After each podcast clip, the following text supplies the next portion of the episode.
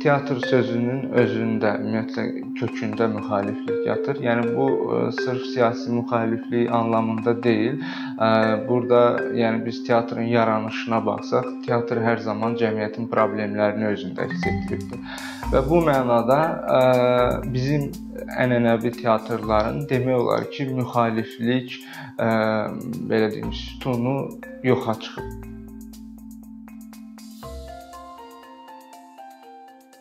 İlk öncə başlamamışdan əvvəl Ado teatrı haqqında məlumat vermək istəyirəm. Bu teatr 2013-cü ildə təsis etmişəm, amma 2012-ci ildən artıq fəaliyyət başlamışdı və bizim məqsədimiz ənənəvi teatrdan tam əks olmaq idi və əslində elə yaranışın özü, bu teatrın yaranması belə deyim ki, insanlarda, xüsusən də teatr adamları arasında biraz şok şok effekti verdi. Nə idi bu? Hətta belə deyim ki, xalq artistləri və yaxud da dövlət qurumları, əməkdaşları hamısı belə təəccüblənmişdilər ki, məyər balaca bir yerdə 40 kvadratlıq bizim yer var idi başlayarkən. Bu balaca yerdə teatr eləmək olar və heç kimin ağlına gəlmirdi bu. Biz isə istəyirdik göstərmək ki, bəli, yəni teatr ə, gözəl salonlardan və yaxud da ə, rahat, komfortlu ə, oturacaqlardan ibarət deyil. Bizdə ə, tamaşaçılar yerdən də otura bilər ə, və əslində imkan olmadığı üçün təzə başlamışdıq və belə qərara gəlmişdik ki, döşəkçələr olsun, insanlar yerdən əyləşsinlər.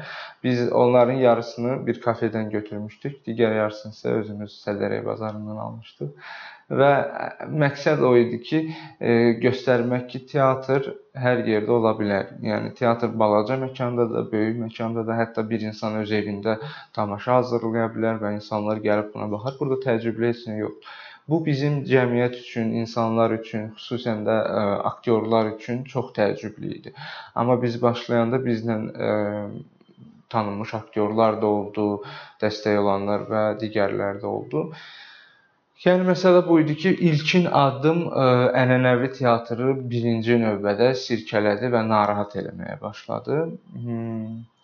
Ə, e, amma buna baxmayaraq biz davam elədik və belə deyim ki, ə, e, sonra bu istiqamətini dəyişdi. Artıq bizim məkanımız böyüdü, amma böyüsə də biz öz məkanımızda mini formatı saxlamağa davam eləyirik və daha sonra ə, belə deyim ki, biz üslubumuzu yeniləməyə, daha modern olmağa çalışdıq və eyni zamanda da düş hər zaman düşündük ki, cəmiyyət üçün yararlı olmalı. Ümumiyyətlə teatr sözünün özündə, ümumiyyətlə kökündə müxaliflik yatır. Yəni bu e, sırf siyasi müxaliflik anlamında deyil. E, burada yəni biz teatrın yaranışına baxsaq, teatr hər zaman cəmiyyətin problemlərini özündə əks etdiribdir.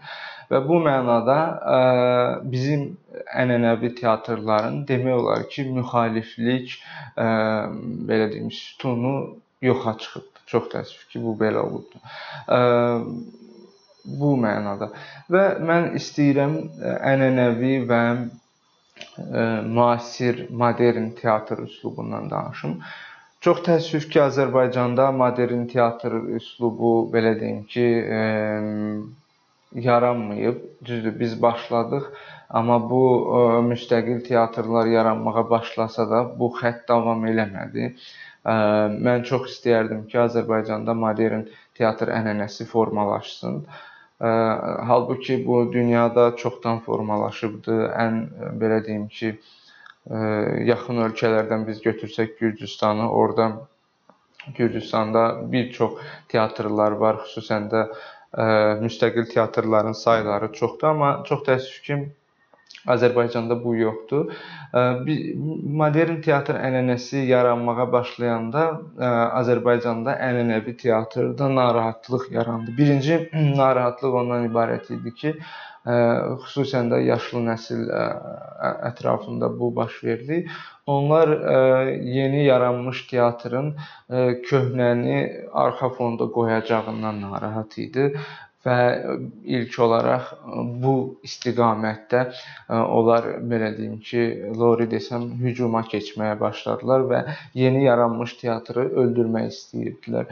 Çünki məqsəd o idi ki, onlar yenilənmək istəmirdilər. Ənənəvi teatr yenilənmək istəmir. Dünyada baxsaq ki, klassik teatrlar yeni formatda tamaşalar hazırlayır. Halbuki teatrın 100-dən çox yaşı var, amma hazırladığı tamaşa günümüzlə səsləşir və modern teatrlarının demək olar ki, bir istiqamətdə gedə bilir.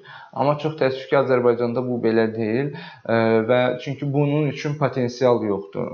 Teatrların potensialı yoxdur ki, həmin mən demirəm, yəni yaşlı nəsil nümayəndələrində əlbəttə oynamalıdırlar tamaşalarda da, çünki yaşlı nəsli göstərmək üçün yaşlı aktyorlara ehtiyac var. Amma o aktyorlar nələrsə qəbul eləmirlərsə və yaxud da film çəkilişində hər hansı bir kiçicik bir söyüş varsa, ona görə rolundan imtina eləyirsə, ümumiyyətlə bizdə çox qəribədir ki, Azərbaycanda aktyorluqla çox şeyi qarışdırırlar insanlar. Amma əgər bu sənin sənətindirsə, misal üçün hansısa bir Avropa ölkəsində aktyor desə ki, yox, burada açıq-saçıq səhnə var, mən buna çəkilmək istəmirəm. Yəni ona gülərlər də belə deyim ki, və bu Avropalı üçün təəccüb təəccüblə qarşılanar ki, yəni bu sənin sənətindir. Sən buna sənət kimi baxmalısan da. Sən niyə başqa məna yozursan ki, şeydir. Ha bu belədir, mən oynamaram və s.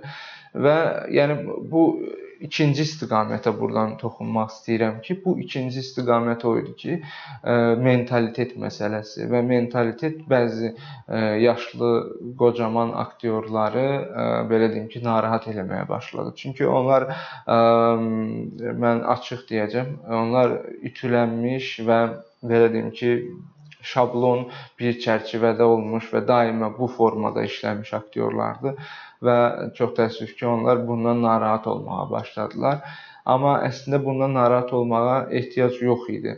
Çünki bu sənətdir və biz Azərbaycan mədəniyyəti üçün çalışırıqsa, sənət üçün çalışırıqsa, bunun üçün çalışmalıyıq. Və bu kontekstdən narahat olanlar oldu. Ümumiyyətlə Azərbaycanda niyə teatr inkişaf eləmir? Bilirsiniz, Azərbaycanda teatr ona görə inkişaf eləmir ki, mənim fikrimcə, Azərbaycanda teatra azadlıq verilmir. Ən vacib nüans və məqamlardan biri budur. Əgər ə, istənilən bir ölkədə ə, teatra azadlıq verilirsə, həmin teatr inkişaf eləyir. Və söhbət burada ə, yəni yenə də məsələ ona gəlir ki, ə, teatrın inkişafı üçün əgər biz modern teatr yaratmaq istəyirsə, modernizm ə, e, sərhəd tanımır və müasir günümüzün, yəni 21-ci əsrin teatrı sərhəd tanımır. O azad olmaq istəyir. Amma çox təəssüf ki, bu azadlığın qarşısını həm ənənəvi teatr, həm də ki, digər e, belə deyim ki, istiqamətlər, digər insanlar bunu almaq istəyirlər. 20 ildən çoxdur ki, Azərbaycanda teatrın e, inkişafı, niyə teatr yoxdur, ümumiyyətlə e, insanlar teatra gəlmir, problem nədədir və s. danışırlar, amma ə, problemin düzgün istiqamət yolunu deyən yoxdur və ə, mən çox təəssüf edirəm ki, bizim ölkəmizdə teatrlara azadlıq verilmir. Ənənəvi teatrlara gəldikdə, ənənəvi teatrlar demək olar ki, repertuarının 90%-i uşaq tamaşalarından ibarətdir. Ə, təbii ki, burada maddi baxım var və teatr direktorları ə, uşaq tamaşaları üzərindən pul qazanmaq istəyirlər. Sadəcə olaraq məsələ budur və ə, e, Mədəniyyət Nazirliyi buna heç bir ə, e, belə deyim ki, istiqamət göstərmir. Bu barədə heç bir tədbir görmür. Ə, e, Azərbaycanda modern teatr küçə tamaşası oynamaq istəyir. Buna birbaşa olaraq ə, Mədəniyyət Nazirliyi və Bakı şəhər icra hakimiyyəti, meriyası belə deyim ki, mən əslində bunu demək istəyirəm ki, bu qadağadır, qadağa qoyur. Yəni bir qurum digər qurumun üzərinə, o birisi o birisinin üzərinə yönəldir. Halbuki mən Oriyak küçə teatr festivalında olmuşam. Oriyak şəhərinin özündə e, biz 2 dəfə o festivala qatılmışıq. Küçə teatr festivalı dünyanın ən böyük məşhur küçə teatr festivalı Fransadadır və e, şəhərin 1200 nöqtəsində, yəni 1200 istiqamətində bir bir məqamda tamaşa gedirdi və hər ora 700-dən çox ölkədən truppalar gəlmişdi. Və Azərbaycanda isə çox təəssüf ki, bir qış parkında bir dəfə tamaşa oynamaq üçün yer yoxdur. Və mən istəyirəm əsas istiqamət bu götürmək ki, incəsənət insanlarının azadlığı yoxdursa, bu gün Azərbaycanda incəsənətin inkişafından, yəni saatlarla danışmağın adı yoxdur. Ki bu adamlar teatrşünaslardır, bu adamlar köhnə ənənəvi teatr nümayəndələridir, bu adamlar Mədəniyyət Nazirliyi nümayəndələridir və onlar Azərbaycanda çiçəklənən teatrdan danışırlar. Amma çox təəssüf ki, mən belə deyim ki, çox pis oluram ki, mənim ölkəmdə, yəni bizim yaşadığımız ölkədə bu yoxdur. Mən bunları görürəm. Mən festivallarda görürəm, mən qastrollarda görürəm ki, modern teatr Gürcüstanda 3 saat vaxtın içində e, meriyadan icazə aldı və şəhərin mərkəzində, parlament binasının yaxınlığında, Azadlıq metrosunun çıxışında e, biz tamaşa oynadıq və insanlar necə reaksiya verdilər və biz çəkilişlər elədik. Hətta biz e, düz parlament binasının qabağında dron çəkilişlər elədik. Mən soruşdum ki, bəs bunun üçün xüsusi icazə almaq lazımdır? Dedilər, yox, ehtiyac yoxdur. Polis gəldi bizi mühafizə elədi və baxdı ki, bizim kağız var, tamaşa bitənə qədər gözlədi. Amma niyə bu Azərbaycanda yoxdur? Əgər bunlar Azərbaycanda yoxdursa, deməli Azərbaycan teatrında azadlıq yoxdur və Azərbaycan teatrında azadlıq olmadığı müddətdə heç bir inkişafdan söhbət gedə bilməz. Bu gün ADO teatrı müəyyən bir istiqamət götürə bilər, müəyyən bir nəsə çabalar göstərə bilər. Sabahları qeyri ADO teatrı, X teatrı yarana bilər, müxtəlif adlarla teatrlar yarana bilər. Amma bu azadlıq yoxdursa, inkişafdan söhbət gedə bilməz bilməz.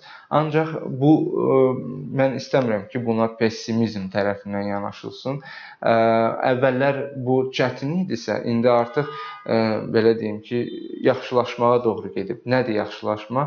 Artıq gənclər özləri istiqamət götürürlər. Mən çox sevinirəm Facebook sosial şəbəkəsindən baxanda ki, artıq eventlər yaranır. Adi misal üçün bazar təşkil edirlər, köhnə paltarlar satırlar. Bunların özü belə belə deyim ki, vacib məqamdır. Və məsələni ora gətirmək istəyirəm ki, bunlar bizim cəmiyyətimizə nə verir? Ümumiyyətlə bizim cəmiyyətimizə teatr, incəsənət lazımdırmı? Mən incəsənətin gücündən danışmaq istəyirəm. Çünki e, bu dünyada belədir ki, incəsənətin çox böyük gücü var və biz bu incəsənətin gücündən istifadə edib daha çox gənclərə səslənmək istəyirəm. E, cəmiyyətimizin maariflənməsində birbaşa rol oynamalıyıq. Çünki e, maariflənməmiş cahil cəmiyyət belə deyim ki, hər zaman uçuruma doğru getməkdədir və bu çox təəssüf ki, belədir. Amma biz incəsənət nümayəndələri olaraq, biz teatr adamları olaraq yeni teatr gəldi və yaxud da modern teatr, a biz dağıldıq, vəsə biz öldük. Bu kimi baxmaqdansa biz birgə olaraq Azərbaycan cəmiyyətinin formalaşmasında iştirak eləməliyik. Bunun üçün nə eləməliyik? Sadəcə olaraq öz incəsənətimizdən istifadə eləməliyik. Öz hazırladığımız tamaşalarda, öz çəkdiyimiz videoroliklərdə, misal üçün mən nümunə olaraq Ado teatrını ona görə gətirirəm ki, orada bu proseslər gedir. Misal üçün biz karikatura müsabiqəsi elədik. Bu müsabiqədə neçə rəssam var idi ki, cəmiyyətdəki mədəniyyətin problemlərini xüsusən öz e, işlərində ortaya gətirdilər və bu nə qədər sosial şəbəkədə paylaşıldı və insanlar tərəfindən reaksiyalar doğuldu. E, və bizdə problemli nüanslardan biri odur ki, polemika yoxdur. Azərbaycanda incəsənət nümayəndələri arasında, incəsənət nümayəndələri ilə cəmiyyət arasında polemika problemi var. Hmm, amma düşünmək lazımdır ki, ya bu şəxsi müstəviyə gedir, ya da insanların bir-birini təhqiri üzərinə gedir. Ancaq çox təəssüf ki, polemika səviyyəsinə almır. Amma bu polemikadan məncə qorxmaq lazım deyil. Xüsusən də mən daha çox da jurnalistlərə də səslənmək istəyirəm ki, onlar bu polemikaları hansısa PR üzərinə yönəltməsinlər və yaxud da hansısa baxış sayı üzərinə yönəltməkdənsə biz bu polemikanı sırf həlli yollar istiqamətinə yönəldə bilərik. Və biz danışmalıyıq ki, niyə bizdə teatr yaranmır, niyə formalaşmır, niyə insanlar teatra getmir. Bu istiqaməti düzgün seçmək və düzgün müzakirə eləmək lazımdır. Bunun üçün məhz incəsənət adamları bir yerə toplaşmalı və bu istiqaməti götürməlidirlər. Mənim üçün vacib olan nüans teatrlara azadlığın verilməsidir. Onlara repertuar azadlığı verilməlidir. Rejissorlara deyilməməlidir ki, bu kiminsə qohumudur, filan kəsin ona rol ver deyə bir şərt qoyulmamalıdır. Uşaq tamaşası hazırla deyə direktor şərt qoymamalıdır ki, sabahları pul qazanmaq üçün, yəni bu pul özü gələcək. Yəni biz əslində dünyada belə deyim ki, incəsənət ən böyük pul gətirən sahədir. Əgər düzgün incəsənətlə məşğul olsaq, pul özü gələcək. Amma biz pul üçün belə deyim ki, istifadə eləməməliyik. Və mənim yəni əsas demək istədiyim bu məqamlar idi və ən çox da demək istəyirəm ki, gənclərə səslənmək istəyirəm ki, biz modern incəsənətin formalaşmasında rol oynamalıyıq. Bunun üçün qorxmaq lazım deyil, bunun üçün çəkinmək lazım deyil. Ən balaca şeylərdən başlamaq kifayətdir. Yəni mən onu özümüzdən misal gətirərək dedim ki, biz 40 kvadratlıq kiçik bir məkandan başlamışıq. Öz evinizdə başlaya bilərsiniz, öz paltarlarınızı müəyyən bir formaya salıb performanslar göstərə bilərsiniz, kiçicik performanslar eləyə bilərsiniz. Onu sosial şəbəkələrdə yaya bilərsiniz dostlarınızla yaya bilərsiniz və e, kreativ tərəfindən baxmağa, fərqli tərəfindən baxmağa çalışmaq lazımdır. Əgər biz məsələlərə kreativ fondan baxa bilsək, məncə e, yaxşı olacaq və biz e, inkişafa nail olacağıq. Cəmiyyətdəki maariflənməni, belə deyim ki, cəhaləti aradan qaldırsaq, bir çox problemlər avtomatik olaraq öz həllini tapacaq.